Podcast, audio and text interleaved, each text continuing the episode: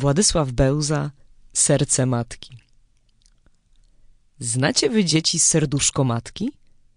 Wiecież, co w głębi swej mieści, ilu niebiańskich pociech zadatki i jaki ogrom boleści? Jeżeli dzieci dobre i grzeczne, wnet serce bije w tak drzywszy, dzieląc wokoło blaski słoneczne swojej miłości najtkliwszej. Lecz kiedy dziecko źle mamie życzy, gdy dziatwa krnąbrna, złośliwa, serce jej niby kielich goryczy po brzegi łzami opływa.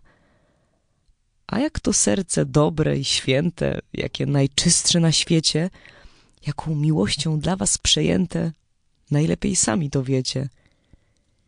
Ileż to razy, kiedyście drżały przed gniewem ojca spłoszone, to serce matki drobiazgu mały brało cię w swoją obronę, lub gdyś na karę zasłużył nową i stał jak trusia w kąciku, kto przebaczenia niósł tobie słowo i pocałunków bez liku?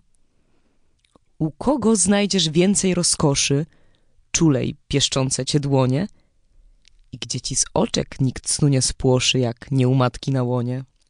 O, po dniu białym, z światłem jarzącem, dzieci kochane, jedyne, takiego skarbu szukać pod słońcem, jakim jest serce matczyne.